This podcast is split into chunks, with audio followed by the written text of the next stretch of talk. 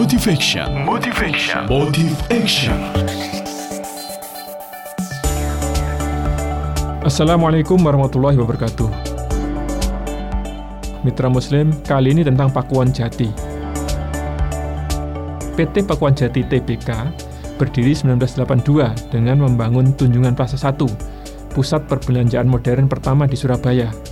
Perusahaan ini go publik pada tahun 1989 Tunjungan Plaza 2 dan Mandiri Office Tower dibangun 1991.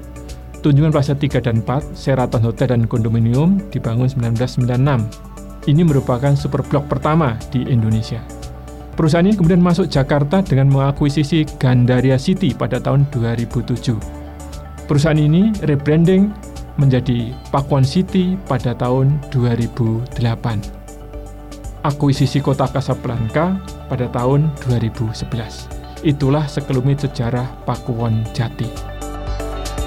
Mitra Muslim, 2015 ini omset Pakuwon Jati adalah 4,6 triliun, laba brutonya 2,7 triliun, laba bersihnya 1,4 triliun, asetnya 18,8 triliun, utangnya 9,3 triliun, ekuitasnya 9,5 triliun.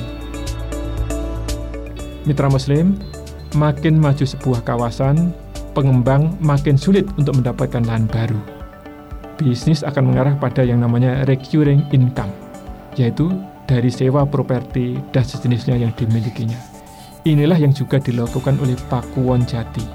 Mereka pendapatan dari penyewaan gedung-gedungnya cukup memberi kehidupan bagi perusahaan seandainya tidak bisa menjual propertinya. Inilah yang harus dilakukan oleh sebuah perusahaan properti untuk bisa bertahan dan sukses seperti Pakuan Jati. Saya Iman Supriyono dari Sarapan Pagi Persembahan SN Consulting, Jalan Pemuda 60-70 Surabaya untuk Suara Muslim Radio Network. Wassalamualaikum warahmatullahi wabarakatuh.